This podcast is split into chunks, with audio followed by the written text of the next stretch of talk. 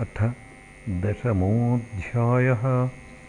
त्रिपुराख्यानं नारद उवाच। भक्तियोगस्य तत्सर्वमन्तरायतयार्भकः। मन्यमानो हृषीकेशं स्मयमान उवाचः प्रह्लाद उवाच। मा मां प्रलोभयोत्पत्त्यासक्तं कामेषु तैर्वरैः तत्सङ्गभीतो निर्विण्णो मुमुक्षुस्त्वामुपाश्रितः भृत्यलक्षणजिज्ञासुर्भक्तं कामेष्वचोदयतु भवान् संसारबीजेषु हृदयग्रन्थिषु प्रभो। नान्यथा तेऽखिलगुरो घटते करुणात्मनः यस्त आशिष आशास्ते न स भृत्यः स वै वणिक्। आशासानो न वै भृत्यः स्वामिन्याशिष आत्मनः न स्वामी भृत्यतः स्वाम्यमिच्छन् योरातिचाशिषः। अहं त्वकामस्त्वद्भक्तस्त्वं च स्वाम्यनपाश्रयः। नान्यथेहावयोरर्थो राजसेवकयोरिव। यदि दास्यसि मे कामान्। वरांस्त्वं वरदर्शभ। कामानां हृद्यसंरोहं भवतस्तु वृणे वरम् इन्द्रियाणि मनःप्राणात्मा धर्मो धृतिर्मतिः ह्रीः श्रीस्तेजस्मृतिः सत्यं नश्यन्ति जन्मना। विमुञ्चति यदा कामान् मानवो मनसि स्थितान्। तर्ह्येव पुण्डरीकाक्ष भगवत्वाय कल्पते। ॐ नमो भगवते तुभ्यं पुरुषाय महात्मने हरयेद्भुतसिंहाय ब्रह्मणे परमात्मने। श्रीनृसिंह उवाच नैकान्तिनो मे मयि जात्विहाशिषः आशासते मुत्र च ये भवद्विधाः। अथापि मन्वन्तरमेतदत्र दैत्येश्वराणामनुभुङ्क्ष्वभोगान्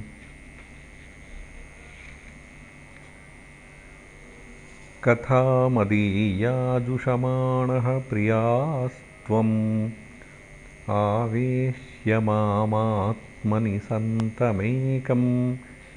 सर्वेषु भूतेष्वधियज्ञमीशं यजस्वयोगेन च कर्म हिन्वन् भोगेन पुण्यं कुशलेन पापं कळेबरं कालजवेन हित्वा कीर्तिं विशुद्धां सुरलोकगीतां विताय मामेष्यसि मुक्तबन्धः य एतत्कीर्तयेन्मह्यं त्वया गीतमिदं नरः। त्वां च मां च स्मरन् काले कर्मबन्धात् प्रमुच्यते।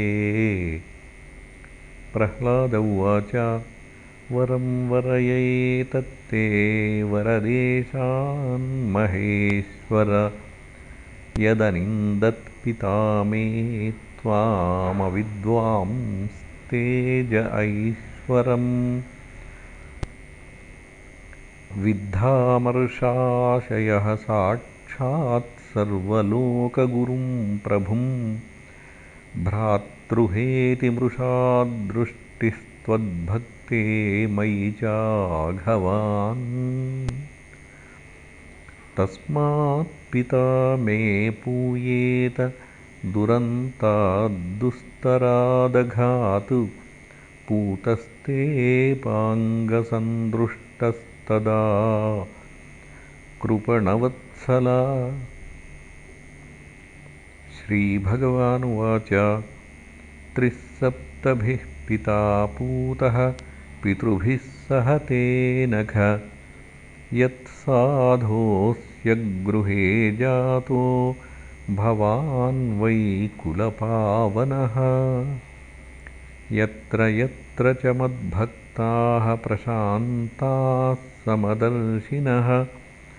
साधवः समुदाचारास्ते पूयन्त्यपि कीकटाः। सर्वात्मना न हिंसन्ति भूतग्रामेषु किञ्चन उच्चावचेषु दैत्येन्द्रमद्भावेन गतस्पृहाः। भवन्ति पुरुषालोके मद्भक्तास्त्वामनूरताः। भवान् मे खलु भक्तानां सर्वेषां प्रतिरूपधृक्। कुरु त्वं प्रेतकार्याणि पितुः पूतस्य सर्वशः। मदङ्गस्पर्शनेनाङ्गलोकान् यास्यति सुप्रजाः।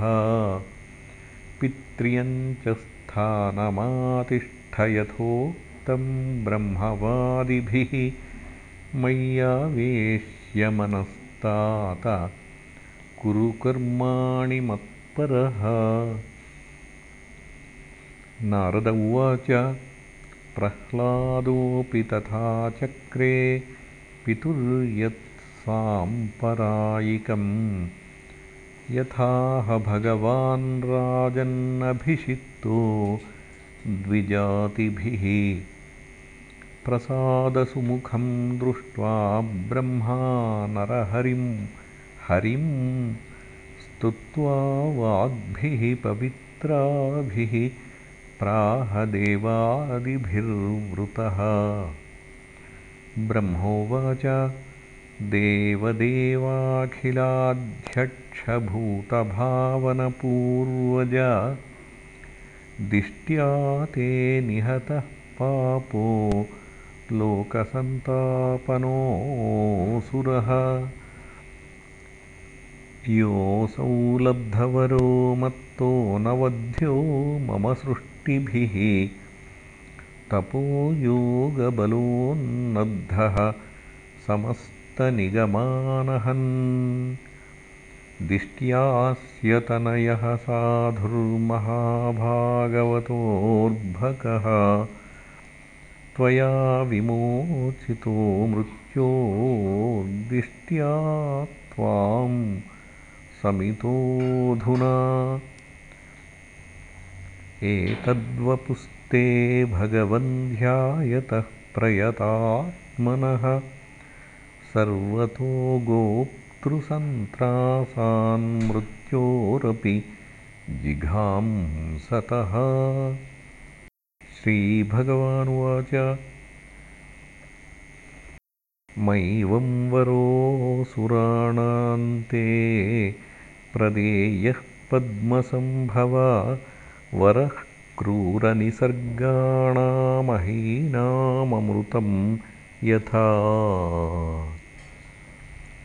नारद उवाच इत्युक्त्वा भगवान् राजंस्तत्रैवान्तर्दधे हरिः अदृश्यः सर्वभूतानां पूजितः परमेष्ठिना। ततः सम्पूज्य शिरसा ववन्दे परमेष्ठिनं भवं प्रजापतीन् देवान् प्रह्लादो भगवत्कलाः। ततः काव्यादिभिः सार्थं मुनिभिः कमलासनः दैत्यानां दानवानाञ्च प्रह्लादमकरोत्पतिम्। प्रतिनन्द्य ततो देवाः प्रयुज्य परमाशिषः स्वधामानि ययूराजन् ब्रह्माद्याः प्रतिपूजिताः एवं तौ पार्षदौ विष्णोः पुत्रत्वं प्रापितौ दितेः हृदि स्थितेन हरिणा वैरभावेन तौ हतौ। पुनश्च विप्रशापेन राक्षसौ तौ बभूवतुः कुम्भकर्णदशग्रीवौ हतौ तौ रामविक्रमैः। शयानौ युधि निर्भन्न हृदयौ रामसायकैः। तच्चित्तौ जहतुर्देहं यथा प्राक्तनजन्मनि ताविहाथ पुनर्जातौ शिशुपालकरूषजौ। हरौ वैरानुबन्धेन पश्यतस्ते समीयतुः। येन पूर्वकृतं यत्तद्राजानः कृष्णवैरिणः जहुस्त्वन्ते तदात्मानः कीटः पेशस्कृतो यथा। यथा यथा भगवतो भक्त्या परमयाभिदा। नृपाश्चैद्यादयः सात्म्यं। हरेस्तच्चिन्तया ययुः आख्यातं सर्वमेतत्ते यन्मां त्वं परिपृष्टवान् दमघोषसुतादीनां हरे साप्म्यमपि द्विषाम् एषा ब्रह्मण्यदेवस्य कृष्णस्य च महात्मनः अवतारकथा पुण्या वधो यत्रादिदैत्ययोः। प्रह्लादस्यानुचरितं महाभागवतस्य च भक्तिर्ज्ञानं विरक्तिश्च याथात्म्यं चास्य वै हरेः। सर्गस्थित्यप्ययेशस्य गुणकर्मानुवर्णनं परावरेषां स्थानानां कालेन व्यत्ययो महान्। धर्मो भागवतानां च भगवान् येन गम्यते आख्यानेऽस्मिन् समाम्नातमाध्यात्मिकमशेषतः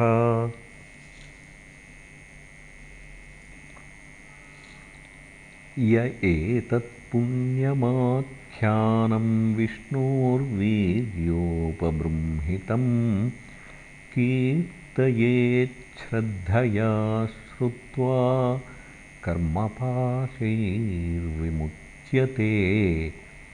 एतद्यादिपुरुषस्य मृगेन्द्रलीलां दैत्येन्द्रयूथपवधं प्रयतः पठेत दैत्यात्मजस्य च सतां प्रवरस्य पुण्यं श्रुत्वानुभावमकुतो भयमेति लोकम्। यूयं नृलोके बत भूरिभागाः लोकं पुनानामुनयोऽभियान्ति येषां गृहानावसतीति साक्षात् गूढं परं ब्रह्ममनुष्यलिङ्गम्। स वा अयं ब्रह्ममहद्विमृग्यकैवल्यनिर्वाणसुखानुभूतिः प्रियः सुहृद्वः खलु मातुलेयः। आत्मार्हणीयो विधिकृद्गुरुश्च। न यस्य साक्षाद्भवपद्मजादिभिः रूपं धिया वस्तुतयोपवर्णितं मौनेन भक्त्योपशमेन पूजितः प्रसीदतामेष स सात्वतां पतिः। स एष भगवान् राजन् व्यतनोद्विहतं यशः पुरा रुद्रस्य देवस्य मयेनानन्तमायिना। राजोवाच कस्मिन् कर्मणि देवस्य मयोऽहं जगदीशितुः यथा चोपचिता कीर्तिः कृष्णेनानेन कथ्यताम्। नारद उवाच निर्जितासुरादेवैर्युध्यनेनोपबृंहितैः मायिनां परमाचार्यं मयं शरणमाययुः। स निर्मायपुरस्तिस्रो हैमीरौप्यायसीर्विभुः। दुर्लक्ष्यापायसंयोगा दुर्वितर्क्यपरिच्छदाः ताभिस्ते सुरसेनान्यो लोकां स्त्रीन् सेश्वरान्नृप स्मरन्तो नाशयां चक्रुः पूर्ववैरमलक्षिताः। ततस्ते सेश्वरालोका उपासाद्येश्वरं विभो त्राहि नस्तावकान् देव विनष्टांस्त्रिपुरालयैः अथानुगृह्य भगवान् माभैष्टेति सुरान् विभुः शरं धनुषि सन्धाय पुरेष्वस्त्रं व्यमुञ्चता ततोऽग्निवर्णा इषव उत्पेतुः सूर्यमण्डलात् यथा मयूखसन्दोहा नादृश्यन्तपुरो यतः।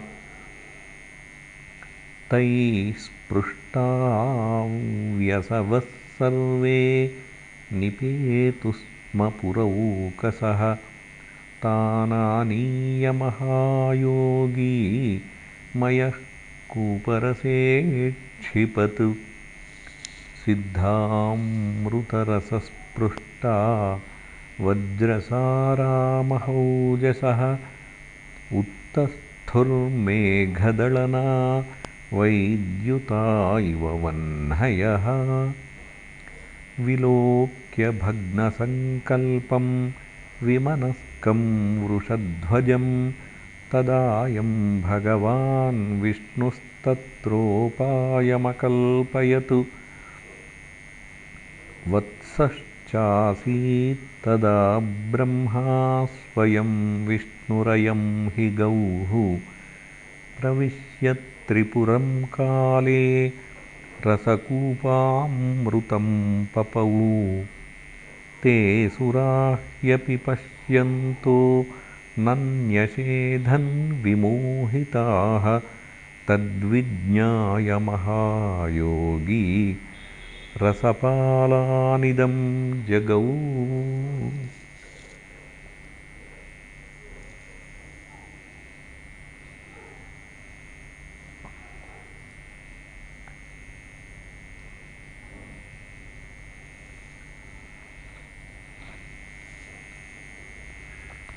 स्वयं विशोकः शोकार्तान् स्मरन् देवगतिं च ताम् देवोऽसुरो नरोऽन्यो वानेश्वरोऽस्तीह कश्चन।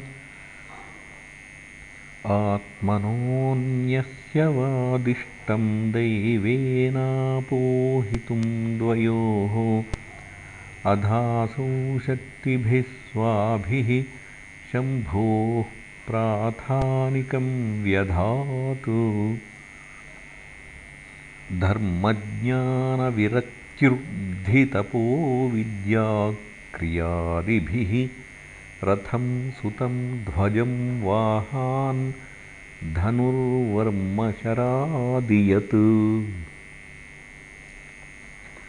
सन्नद्धो रथमास्थाय शरं धनुरुपाददे। शरं धनुषि सन्धाय मुहूर्तेऽभिजितीश्वरः।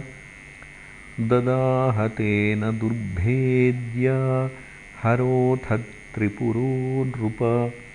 दिवि दुन्दुभयो नेदुर्विमानशतसङ्कुलाः। देवर्षिपितृसिद्धेशा जयेति कुसुमोत्करैः अवाकिरञ्जगुर्हृष्टा न ऋतुश्चाप्सरो गणाः एवं दग्ध्वा पुरस्तिस्रो भगवान् पुरः नृप ब्रह्मादिभिस्तूयमानः स्वं धाम प्रत्यपद्यत।